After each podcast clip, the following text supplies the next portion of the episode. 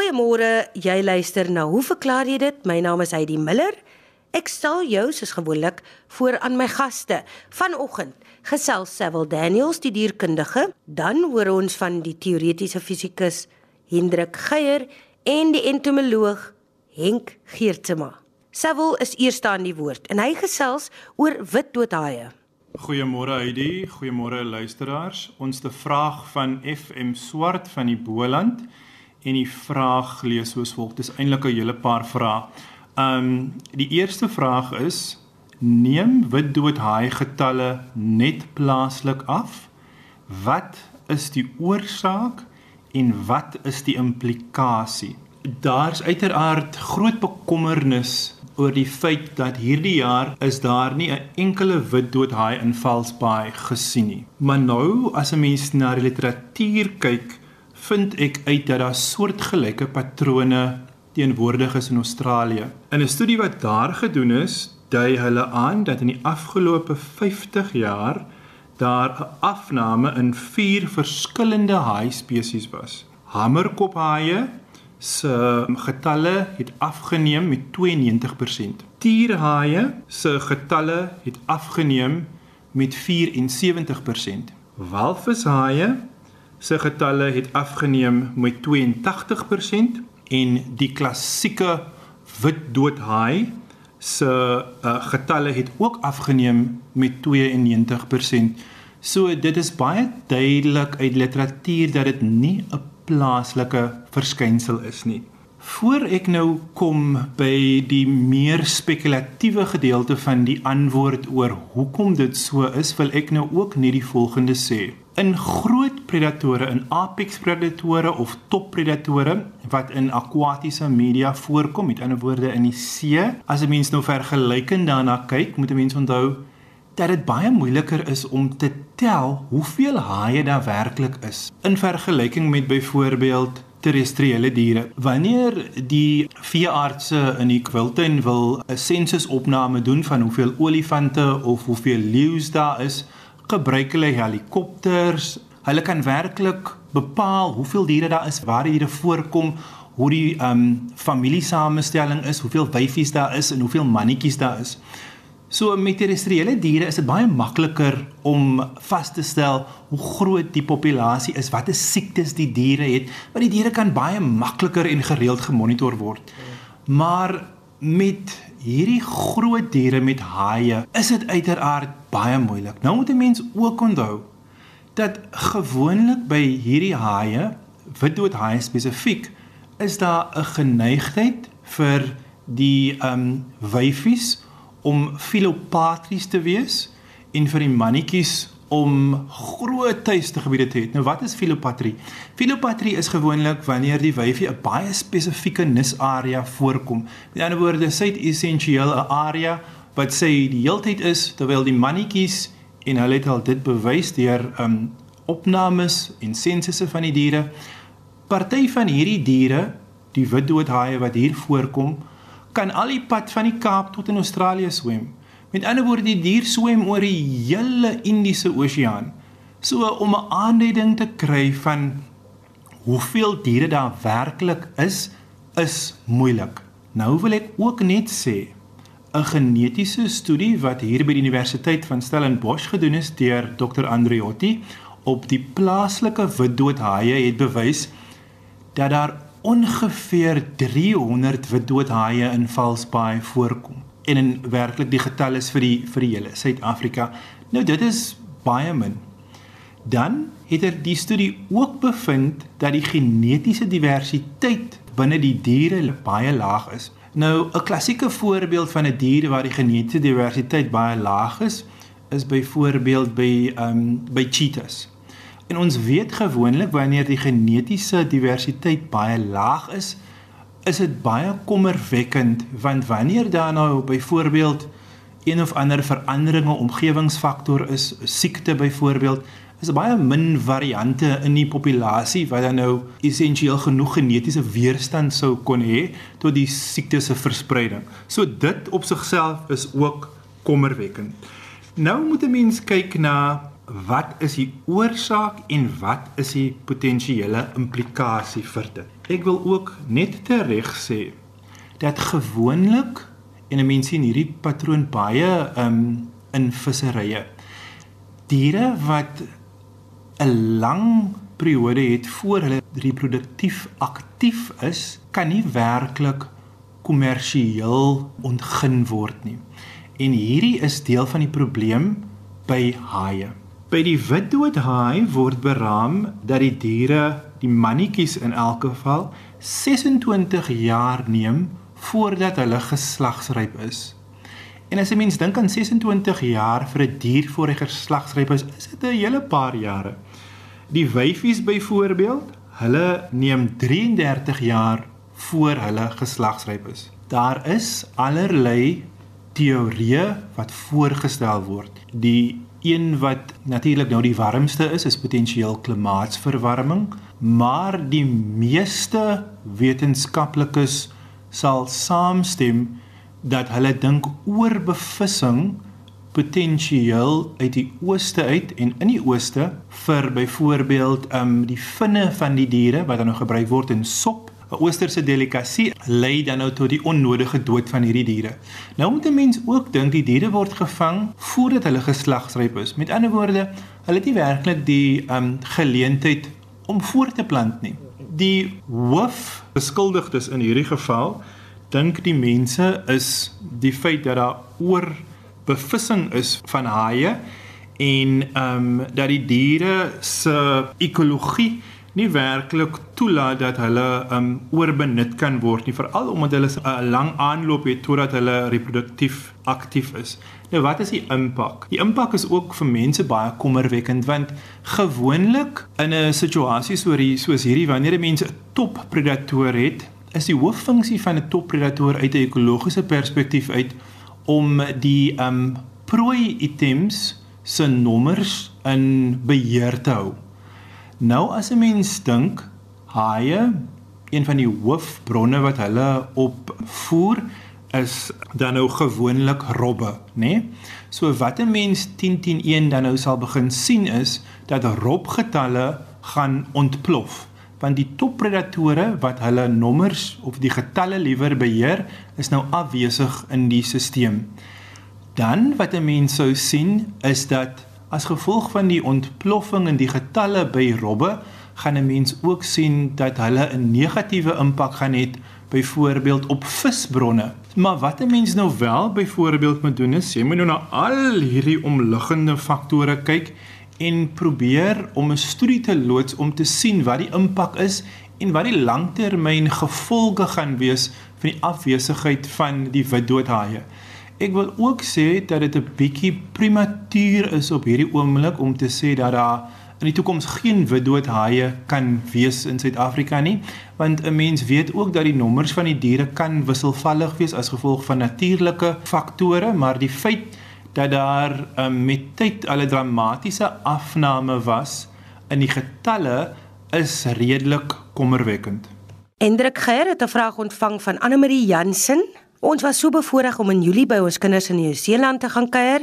Ons het van Johannesburg tot in Sydney gevlieg en van daar 'n aansluiting Auckland toe geneem. Wat ons opgeval het is dat die vliegtyg van Johannesburg af suid gevlieg het oor Port Elizabeth en toe nog suid wat gevoel het ons gaan draai by Antarktika daarna 'n lang draai noord tot in Sydney. Ons het met die roete ook teruggevlieg. Nou vra sy, sou dit nie meer ekonomies wees om direk van Johannesburg Sydney toe te vlieg nie? Dit sou ook tyd gespaar het. Hoe verklaar jy dit? Môre Heidi, ehm um, kollegas, luisteraars, Anne Marie, dit sou waarskynlik vir jou as 'n verrassing kom dat jy inderwaarheid direk van Johannesburg af Sydney toe gevlieg het, maar miskien moet ons 'n bietjie uitbrei daarop. Uh, net so as 'n agtergrond, um, as 'n mens gaan kyk waar lê die onderskeie stede, Johannesburg 26 grade suid, Sydney 34 grade suid, prakties dieselfde breedtegraad as uh, Kaapstad, ook so vir Port Elizabeth. Perth lê by 32 grade, so uh, Johannesburg sit definitief 'n bietjie nader aan die ewenaar as as Perth en Sydney en Nou is die vraag wat is die direkte roete? Nou ons weet as jy op 'n plat vlak hierdie vraag vra, dan is die kortste afstand tussen twee punte is 'n reguit lyn, maar die aarde is nie 'n plat oppervlak nie, om die waarheid te sê, die aarde is 'n sfeer. Dus die vraag is wat is die kortste afstand tussen twee punte op 'n sfeer? En die tegniese antwoord is dit is die lyn wat 'n groot sirkel voorstel wat hierdie twee punte bevat. So wat beteken dit?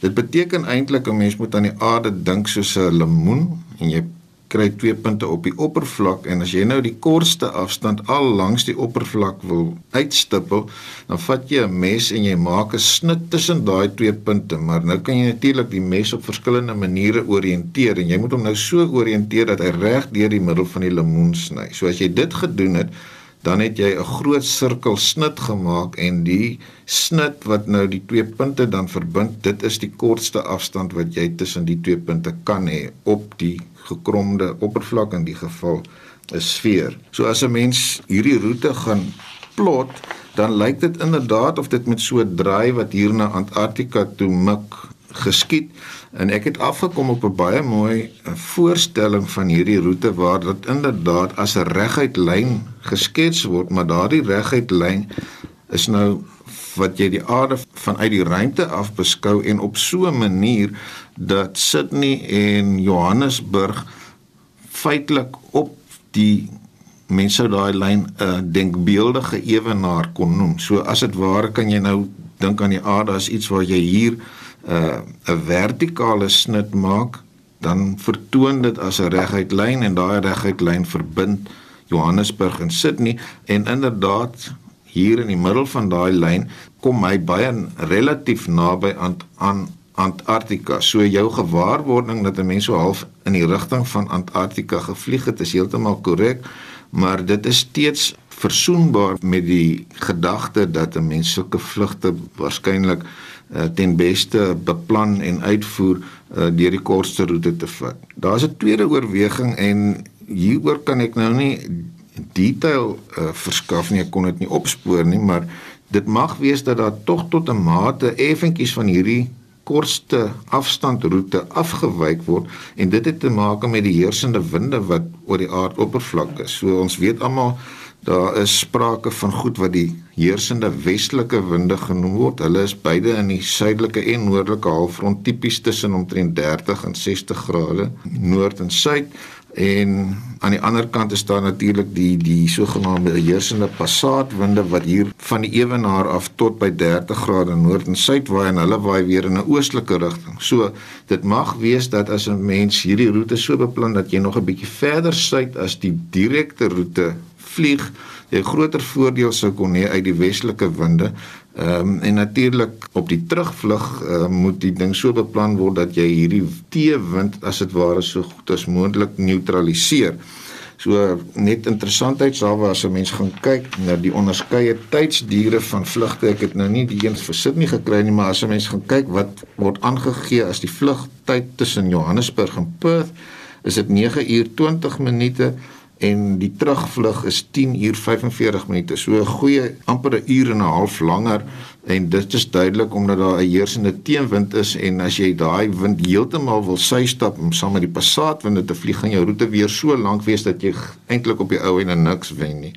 So dit lyk vir my dis 'n kombinasie van die werklik kortste roete tussen twee punte op die aardoppervlak met inagneming van die heersende winde wat uiteindelik die presiese roete sou bepaal en ek kan my voorstel dat hierdie roete waarskynlik ook aangepas word kort voor en tydens vlugte na mate mense atmosferiese inligting of die die die loodse atmosferiese inligting uh, gebruik om hulle roete uit te stippel. So ehm uh, Anna Marie, ehm um, jy het direk van Johannesburg af Sydney toe gevlieg of amper direk Uh en daai direkte roete is juist die een wat jy eintlik aanvanklik in 'n suidelike rigting laat vlieg en dan met 'n draai tot by Sydney. Baie dankie aan Hendrik Geier en Geert te mag gesels nou verder. Dag luisteraars, kollegas.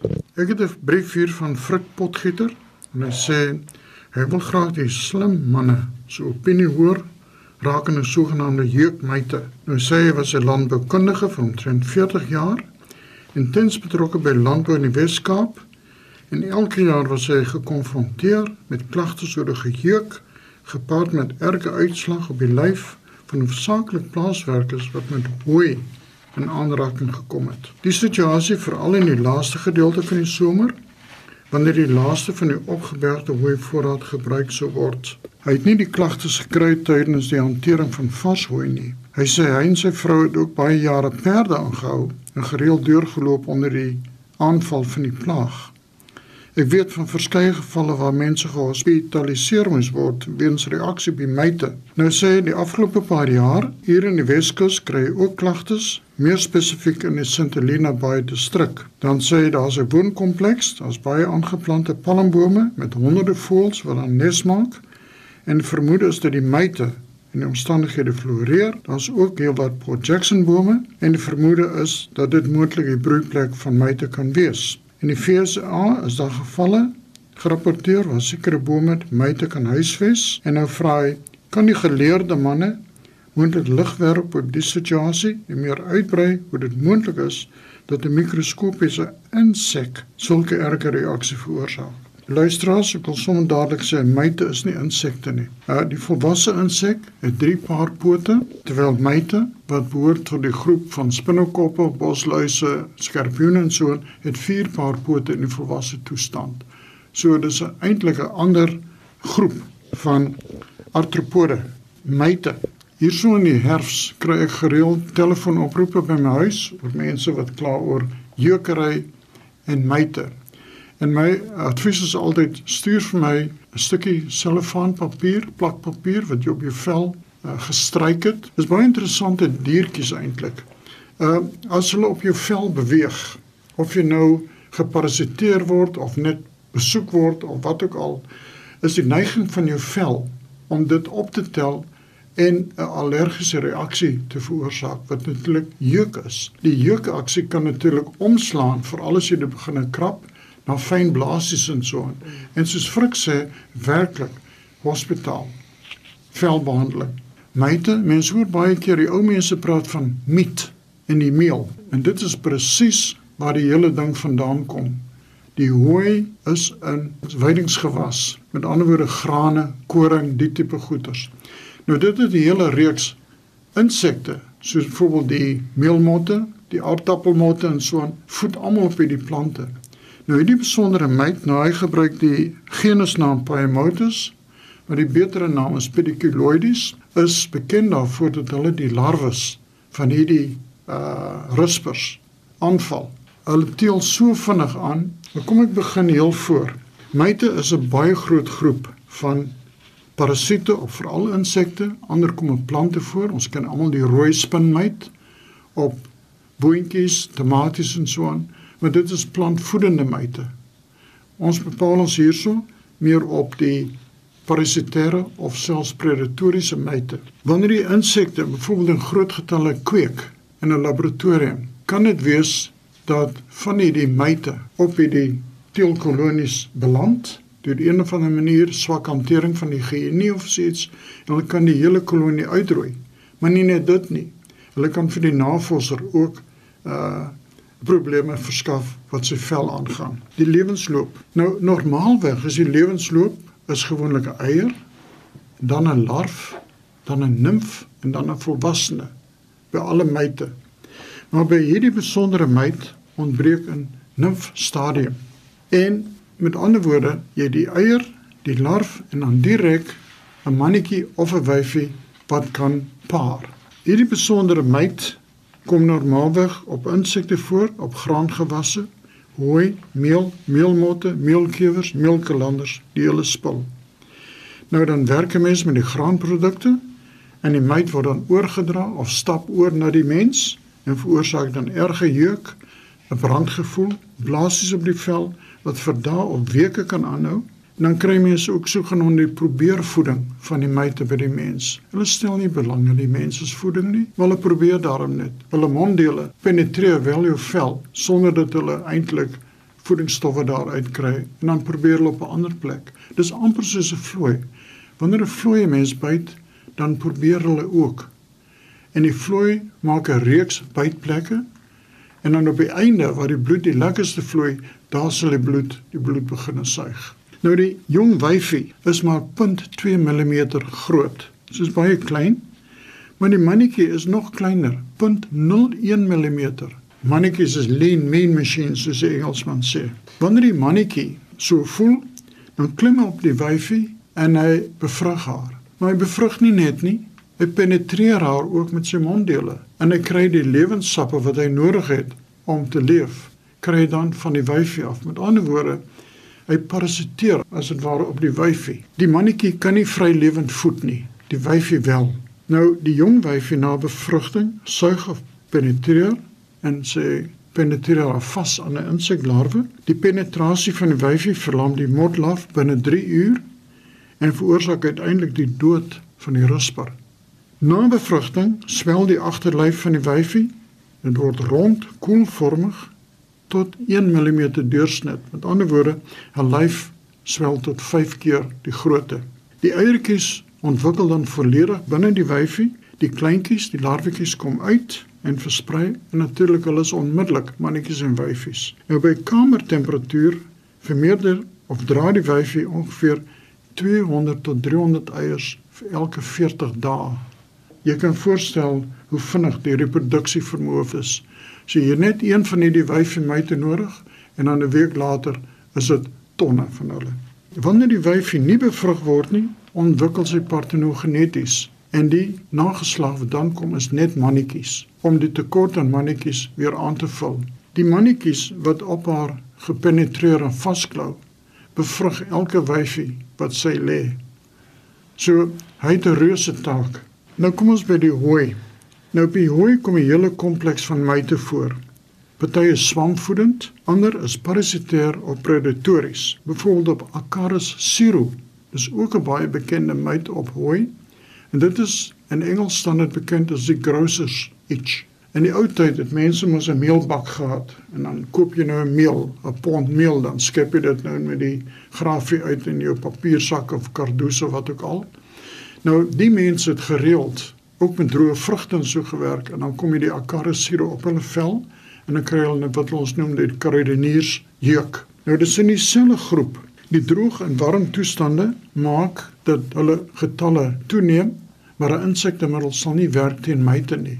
Mense moet onthou spinnekoppe en so mag reageer op insektemiddels, maar dit is eintlik meer op die dryfmiddels in die insektemiddel.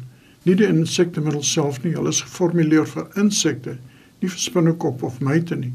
So as jy wil myte bestry, gebruik jy 'n mytdoder. Nou byvoorbeeld Ons probeer met die rooi spinnekop soveel as moontlik gebruik maak van predatoriese myte. Byvoorbeeld as mens tomaties kweek in 'n kweekhuis, dan kan 'n mens by sekere maatskappye, veral in Europa, koop jy dan predatoriese myte wat jy loslaat in jou kweekhuis en hulle ruim dan die rooi spinnekop myte op. Wat 'n mens kry en nou Frik verwys na Shelley Point en St Helena Bay. Nou wat hy vergeet om te sê is dat hierdie huise het meestal strooidakke en jy's lekker naby die see. Gewoonlik in die wintertyd absorbeer die strooidakke 'n klomp vog. Aan die binnekant van die huis is dit lekker warm So jy kry swamgroei wat ontwikkel. Swamgroei lok myte, want van die myte omdat hulle so klein is, vorm dit 'n sogenaamde lugplankton. Dit dryf rond saam met die swamspore. So die swamspore land teen die riet ontkiem. Die myte vind voedsel. Nou kry jy 'n hele kompleks van ander insekte wat inkom. Swamkiewertjies, sekondêre kiewertjies en so aan. En dan begin die mense vir my bel en sê hulle het rietdak en hulle kiewers en dis winter. Of wat nou? Nou natuurlik dis woongebiede. Nou die hele geheim is eintlik jy moet die vog keer. Keer jy die vog en keer jy die swam. Maar die probleem is, doen jy dit, dan soek die myte alternatiewe voedselbronne en nou begin hulle rondloop. En dis wanneer hulle jou op jou klere, op jou meubels en so kom en as jy daar sit, dan probeer hulle nou probeer voeding toepas. My gewone raad is gewoonlik veral baie mense wat die huis het op naweke om die binnekant van die riete te verf met terpentyn. Terpentyn sal omtrent 1 mm indring. Dit sal die insekte wat in daardie laagie van die riet, want kyk die riet is baie styf gepak. Insekte kan nie baie goed deurdring nie, swam wel. Maar jy vernietig op die manier die woon of die leefarea van die myte en van die insekte wat daar kan wees. Gebruik terpentyn. Jou winterklere en jou winterbeddegoed en so aan. Berg jy in 'n kas. Nou toe jy dit gebeer het, jy dit gewas en jy dit in die kas gesit, het daar myte ingekom. Maar die myte het nie baie goed gefloreer nie, want dit is droog. Maar nou in die herfs raak dit klammer en maak nie saak nie, jou klere absorbeer vog en die myte begin aanteel. So nou begin jy die klere aantrek, 'n lekker dik woltrui. As jy dik vellig is, is jy nie probleem nie. Maar die ding is nou begin die goed jeuk en die mense assosieer dit onmiddellik met die winterkleding of winterbeddegoed. Dan kry jy mense baie effektiewe spuitmiddel. Nou ongelukkig mag ek nie die handelsnaam gebruik nie. Dit is verkrygbaar in apteke en ook in die groot koöperasiewinkels. Gebruik dit dan en as jy voel daar is 'n irritasie by vel kry 'n bietjie gewone wie wat in die apteker alkohol dis omtrent 70-80% wat jy kan vryf natuurlik die alkohol is 'n ontwateringsmiddel. En die myte het 'n baie dun velletjie en is baie sensitief vir uitdroging.